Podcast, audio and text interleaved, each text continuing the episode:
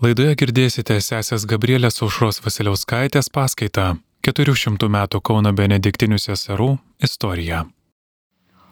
O mūsų brangi sesuo Gabrielė, Vytauto didžiojo universiteto katalikų teologijos fakulteto docentė, te primins mūsų vienuolyno pirmuosius žingsnius į Kauną.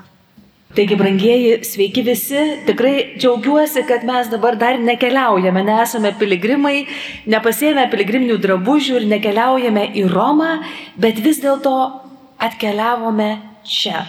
Ir mes labai džiaugiamės, kad jūs esate tie, kurie savo širdis galėjote nu, atnešti čia ir kartu su viltimi laukti mūsų 400 metų jubiliejaus ir kitais metais kaip piligrimai atkeliauti čia ir, kaip sakė tėvas Artūras, kartu su mumis švesti ir pasimti visas to žinot, dovanas ir malonės, kurias mums suteikia Dievas. Bet prieš tai dar sugrįžkime į pačią pradžią. Ant šito švento Mikalojaus kalnelio ir tikrai nuostabiai amžinatilsi mūsų tėvas Samuelis visą laiką jį vadino šventu kalneliu.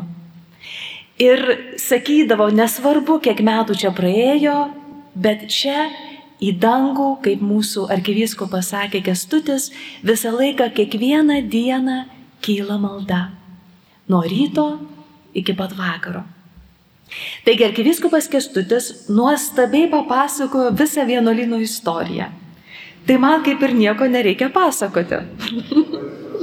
Bet kuo norėčiau šiandien aš pasidalinti, tai pačia pačia pradžia. Kas vyko prieš tuos 399 metus, kuriuos mes minėsime lapkričio 28 dieną. Ir kaip atrodė tuometinė Kauno seserų benediktinių bendruomenė, kuo jinai gyveno. Ir žinot, ar šiai gyveno. Čia labai gerai, kad yra Kauno miesto savaldybės atstovų. Visą laiką pjūklai buvo pakelti su benediktinėmis. Bet ačiū Dievui šį kartą mes turime ramybės ir taikos kelią, tą laiką. Taigi, tai pirmiausiai, kas yra svarbu, kad šitas kalnelis turi Švento Mikalojaus vardą. Ir kodėl? Dėl to, kad čia yra benediktinių Švento Mikalojaus bažnyčia. Galime keliauti toliau ir galite pamatyti 1600 metų Kauno miesto e, tokį kaip paveikslą, kuriame yra pavaizduota Švento Mikalojaus bažnyčia. Ir kaip matote, jau 15 amžiuje Kaunui gavus Magdeburgo teisės, Švento Mikolojus pasirinktas miesto globėjų. Tai buvo Miros vyskupas ir žinot, kaip mes visą laiką juokaujam, tai senelio šalčio prototipas. Tai vad buvo Kalėdų eglutės atidarimas, įžiebimas čia Kaune. Tai visi sako, o ateina Kalėdų senelis.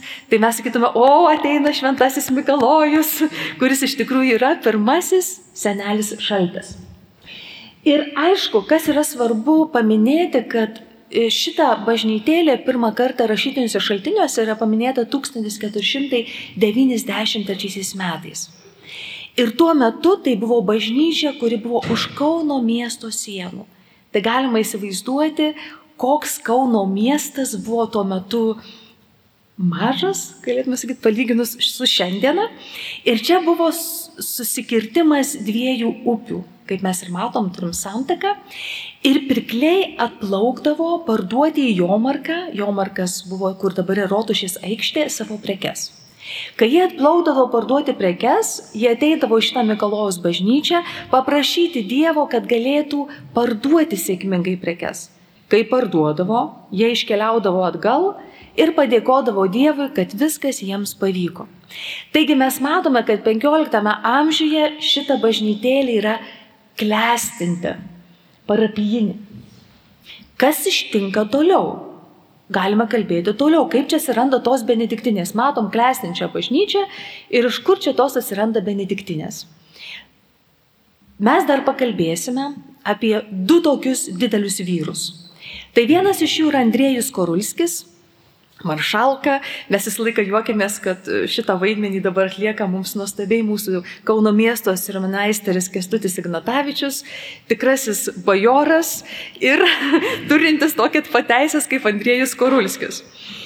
Tai Andriejus Korulskis paprašo tuometinio karaliaus bazos atiduoti šitą apleistą bažnytėlę seserims benediktinėms galime pamatyti, kaip pasikeičia istorinė perspektyva. Iš klestinčios bažnyčios virsta apleista bažnyčia. Bet ir tai mes galime matyti, kad nelabai nori, atiduo, nori atiduoti benediktinėms. Ir aišku, ta pati fundacija, jinai prasideda nuo 21 metų, nuo šito paprašymo ir jinai kyla, iš, iš kur jinai kyla. Ir aš noriu papasakoti truputėlį apie tą pradžią, iš kur ateina tas noras Andrėjui Skoliuskiui fonduoti čia ant šito kalnelio Kauno seserų benediktinių vienuolyną. Pradžia, pati pradžia, kuri galėtume jau, kaip sakyti, pasakoti ir sakyti, tai yra susijęs su kitu didiku, tai yra Mikalojumi Radvila arba našlaitėliu. Mes visą laiką sakom našlaitėlis. Ir kas yra įdomiausiai, kad našlaitėlis, jūs puikiai tikriausiai istoriją te žinote, kad jisai gyveno labai palaidą gyvenimą ir tikrai susirgo sifiliu. Ir jo gyvenimo kelionė buvo į Jeruzalę. Tai buvo atgailos kelionė. Ir keliaudamas į Jeruzalę, jisai pasiema kartu Andrėjus Korulskį. Kodėl? Nes Andrėjus Korulskis, jisai buvo visų radvilų turtų administratorius.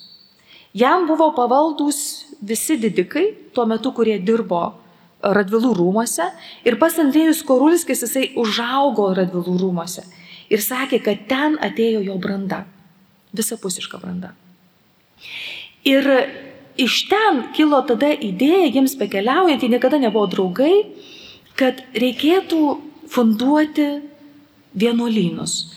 Nes anksčiau buvo galvojama, kad jeigu karalius arba valdovas turi žemės ir turi, kas už, juo, už jį meldžiasi tose žemėse, tai vadinasi, jis bus išgelbėtas. Jis ir jo šeima, ir jo karalystė, arba, e, kaip skaityti, ar karalystė, ar valstybė, žodžiu, bus klestinti. Todėl kiekvienas didikas norėjo ir troško, kad jo žemėse būtų funduoti vienuolynai. Ir pirmasis vienuolynas LDK žemėse buvo funduotas būtent našlaitėlio Radvilos iš Kulmo, Lenkijos karalystės į Nesvyžių, dabartinę, e, Balta, į dabartinę Baltarusiją. Ir tuo metu tai buvo LDK žemės. Tai įvyko 1591 metais. Jų kelionė vyko 1583 metais, kada jie keliauja. Taigi per tą laiką jie subrandina tą idėją ir galima sakyti, kad e, tuo metu, tuo metu atsiduria, atsiduria tiek Onas Kurulskytė, būtent e, tam nesvyžiaus vienuolynė, tiek ir vėliau, kaip matysime, ir Kristina Radvilaitė, kuri yra jo, jo brolio, Radvilo brolio Stanislovo dukra. Ne jo dukra, bet jo brolio dukra. Taigi, dabar ką noriu parodyti, tai senai nesvyžių ir kas yra nuostabiausia, kad matote šitas krantas, čia matosi e, kairėje pusėje, mato, čia yra visi radvilų rūmai. O ten toliau per ežerą būtų yra funduotas LDK žemėse pirmasis moterų benediktinių vienuolynas. Ir, va, ten, ir dėl, ko, dėl ko būtent per tą ežerą, dėl to, kad kadangi ten buvo atiduota Kristina Radvilaitė, tai sako, kad nu jos ilgesys rūmams, kad jinai galėtų žiūrėti. Bet aš jums paskui parodysiu, ką seserys sugalvojo, kad jinai labai nesvaigtų apie tą savo, apie tą savo tuos rūmus, ne, nežinau, neturėtų kažkokių fantazijų, perkelė ją į kitą kalidoriaus pusę gyventi. Žodžiu, kad jinai nesėdėtų ir po langą ištisai nežiūrėtų į tuos rūmus. Galim keliauti toliau, truputėlį noriu parodyti, kaip atrodo radvilų rūmai. Dabartinė jie yra re, restauruoti, reko, rekonstrukcija yra įvykdyta. Čia galima pamatyti, kaip atrodo ne, iš toli per ežerą būtų krantą, būtent radvilų rūmai ir kitoj pusėje, kaip atrodo funduotas jau pas vienuolynas. Mhm, galime keliauti toliau. Tai va, ir kas yra įdomiausia, kad visi funduoti vienuolynai visą laiką būdavo mediniai. Tai Nesvyžiuje iš karto jisai tampa mūrinis kaip toksai. Galim keliauti toliau. Ir e, tikrai, kas yra įdomu, kad šitoj bažnytėlėje Radvila našlaitėlis, jisai nori, kaip sakyti, tą vienuolyną jisai dedikuoja savo žmonai Eufemijai ir dėl to tai vadinasi Šventos Eufemijos e, vienuolynas, benediktinių, bet vis viena turi Šventosios Eufemijos e, kaip vardą. Ir aišku, jo noras, kad jo dukros taptų benediktinėmis. Bet tikrai ištinka tragedija, kad jo dukros miršta labai pakankamai jaunos ir yra palaidojamos po pačia, po pačia bažnyčia. Ir vėliau ir šventojo Eufemija irgi yra palaidojama ten pat, jo žmona, kaip miršta. Ir kaip dabar yra čia su Kaunu? Kaune 1022 metais nuperka, nuperka vienu žodžiu e, Skorulskis čia esantį visą Riekučio dvarą. Benediktinėm sako, jeigu jo čia atkeliaus, tai kur jos gyvens? Mikalojos bažnyčia yra pleista, jos ne, nu, negalima čia nei melstis, nei joms gyventi kažkur, reikia kažką daryti.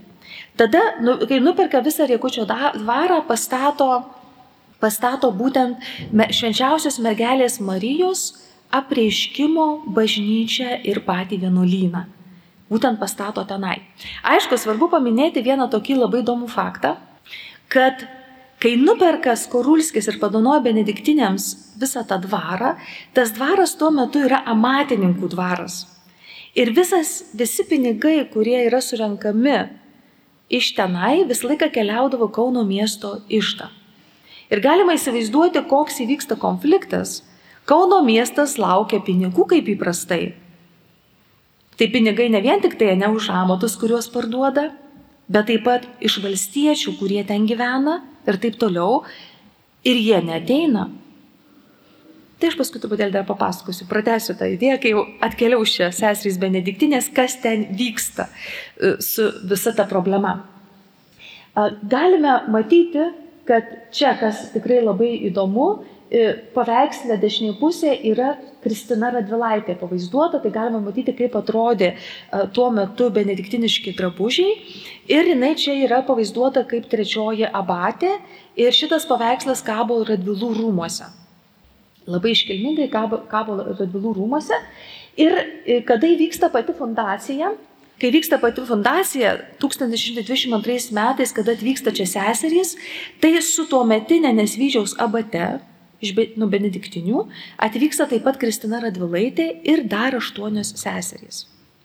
Kodėl atvyksta dabar Kristina Radvilaitė? Jis atvyksta ne dėl to, kad jinai čia pasiliktų, bet dėl to, kad jinai yra ruošiama tapti trečiaja nesvyžioje bate ir kad jinai žinotų, kaip vyksta vienuolinų fundacija. Nes iš nesvyžiaus tuo metu vyko labai daug benediktinių fundacijų LDK žemėse. 1120 metais buvo fundacija į Vilnių, 1122 metais seserys atvyksta čia į Kauną. Nors fundacija prasideda nuo 21 metų, bet 22 metais tik atvyksta į Kauną. Ir tarptų atvykusių, aišku, yra ir pati uh, Ona Eufemija Skurlskytė, kuri čia pasilieka vėliau kaip abatė. Ir šalia dar septynios seserys. Visos yra didikės, visos su kraičiu ir tie kraičiai labai yra įvairūs.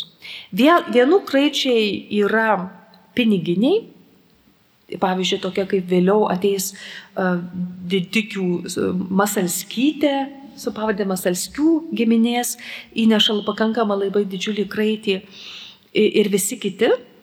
Kiti daugiau duoda fundaciją žemėmis.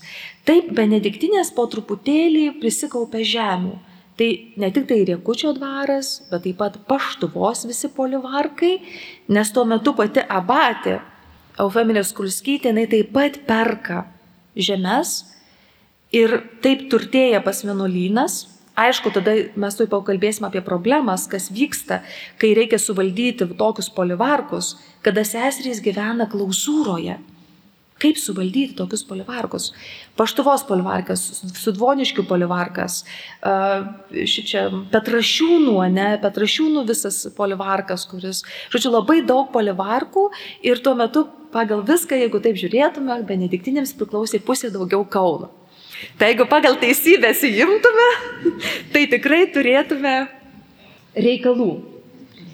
Taigi, čia atkeliauja ne, benediktinės ir aišku, pati fundacija užsibaigia ne tai, kad tuo fundaciniu raštu 1624 metais pačiu pagrindiniu, kada Andriejus Korulskis parašo, kad net lygintinai viską dovanoju ir šitas kalnelis amžinai lieka seserims benediktinėms.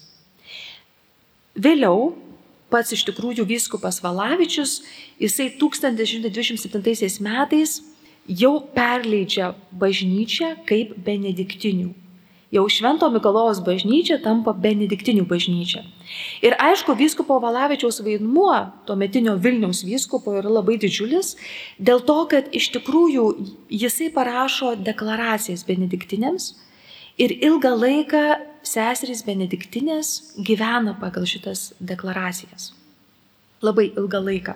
Kaip melstis, vienu žodžiu, valgyti, miegoti ir taip toliau ir panašiai. Ir kas yra įdomiausiai, kad išlikę amžinų įžadų aktai, ką jie byloja, ne? nes, žinot, labai įdomus dalykas, kad plėtimas seserų benetinių pakankamai yra nemažas, kada yra aba, abate, būtent sesuo Femijas, kur Onas Kiruskytė, Tai tuo metu galima matyti, kad iki, iki 46, ne, 1646 įžadų knygose yra nurodyta 23 vienuolės. Aišku, vėliau, vėliau tas vienu žodžiu skaičius didėja, nes mes matom, kaip sakyt, kad auga pati bendruomenė, tik tai nėra išlikusių pačių įžadų aktų.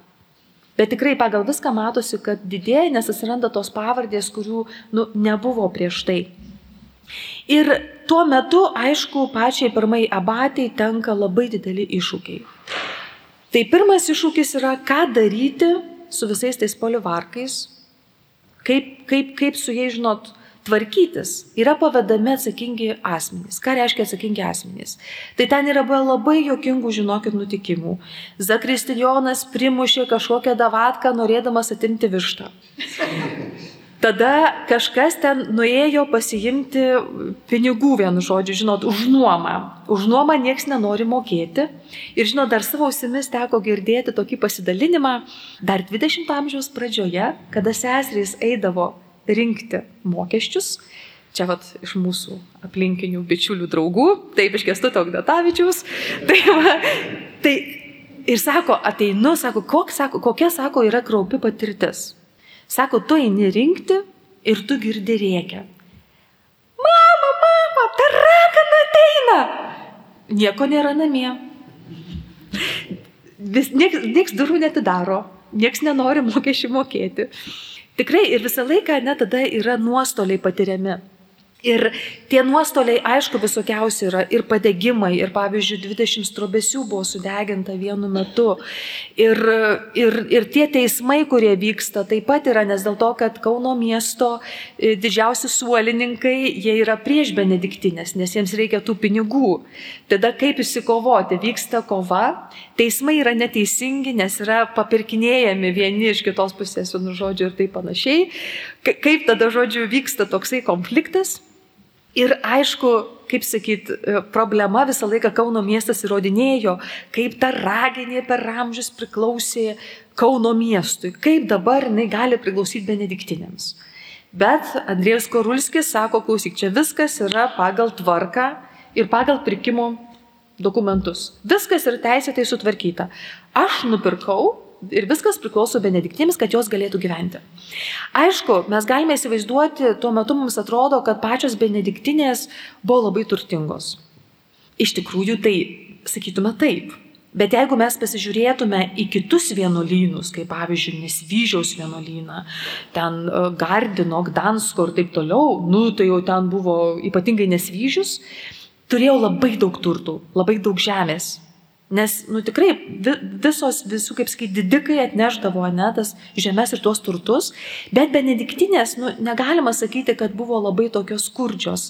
Jeigu imtume, žinot, tą žemės sampratą, bet iš kitos pusės, kada mes matom, kada vyksta konfliktai ir nenorai mokėti mokesčių, tada yra problema. Nes dėl to, kad kaip tada viską sutvarkyti, ne, kaip tada administruoti.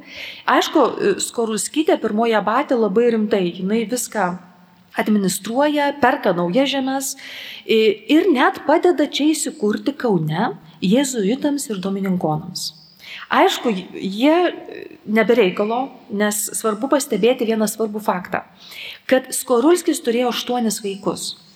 Du iš jų buvo jėzuitai, vienas buvo Bernardinas ir viena benediktinė. Tai, tai kad jėzuitai čia atsirastų Kaune, tai viskas tada suprantama. Nu, žinot, reikia broliams padėti kažkokiu būdu čia įsitvirtinti. Tada iš kitos pusės, kaip su dominikonais, nu, sako, jie labai geri dvasios tėvai ir nudemklausiai. Tai, tai žodžiu, benediktinės visą laiką rėmė jėzuitus ir domininkonus ir visą laiką buvo labai, kaip sakyt, nu, kaip dvasiniai tokie bičiuliai ir draugai, kurie vieni kitus iš tikrųjų paremė.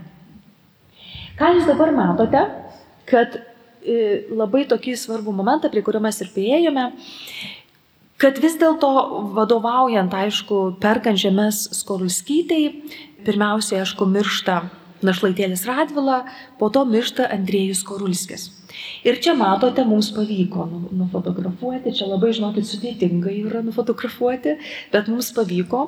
Tai yra nesvyžiuje Jėzaus kūno bažnyčios rūsiai. Ir čia yra, kas jau jeigu buvote, ne, iš tikrųjų radvilų, kaip sakyt, visas, vos nesakiau kapinynas, bet kaip panteonas, taip, atsiprašau, iškrito žodis. Taip, yra radvilų panteonas. Ir kas yra įdomu, kad žiūrėkit, visi karstai yra sudėlioti, ne, va taip kaip eina. Ir vienas karstas yra įstrižai po kojomis. Visą laiką buvo sakoma, kad Andrėjus Korulskis, kai buvo dar gyvas, visą laiką prašė, aš noriu būti palaidotas po radvilų kojomis ypatingai po našlaitėlių radvilo kojomis. Ir kada mes atradom šitą, va taip karstą, tai su istorikė Vaida Komuntavičinė mes nusprendėm, nes rodo ir visi kiti istoriniai šaltiniai, kad čia tikriausiai yra palaidotas Andriejus Korulskis. Ten toliau, matote, yra našlaitėlis Radvila, galima dar vieną spausti. Va, našlaitėlio Radvilos yra, ne kur jau jojo yra, o ir tenai tada Andriejus Skorulskis. Taigi, dar vienas svarbus momentas, apie ką užsiminė arkivyskupas, šitam visų visų plėšimų, ne, tokiam nepastoviam istoriniam laikotarpyje, kas ištinka, tai tikrai švedų ir Maskvos karas. Ir kai aš atėjau į vienuolyną, visą laiką buvo legenda, kad mūsų seseris, galima sakyti, čia kaip išžudė, išniekino ir seserys atminimui šitų seserų švedų karo metu e, visą laiką nešioja ant didžiųjų velimų, kai mes turim didžiuosius velimus, kryželius. Anksčiau būdavo dideli tokie kryžiai ant velimų, dabar pas mus yra tokie siūti mažiukai kryželiai. Tai tiesiog atminti toms visoms nukankintom žuvusioms seserims. Ir tada atėjo mums su profesorė Vaida Kamuntavičinė mintis, kad mums reikia iš tikrųjų pasižiūrėti, kaip yra istoriškai teisingai, kas iš tikrųjų įvyko. Ir ačiū Dievui mums pavyko, pavyko surasti, kad mes atsirėmėme 1655 metus į švedų e, ir Maskvos karą. Tuo metu, aišku, dauguma bendruomenių nukentėjo ir tikrai, jeigu skaitėte Sabaliauskaitės, ane knygą, Servarerum, servarerum, jinai iš tikrųjų ten tikrai labai aprašo būtent, vat, kas vyko Vilniuje tuo metu, to karo metu, kada abatę pakabina, ne, prie durų prismeigė ir taip toliau nepasakosiu ten tų baisybių, kas ten vyksta.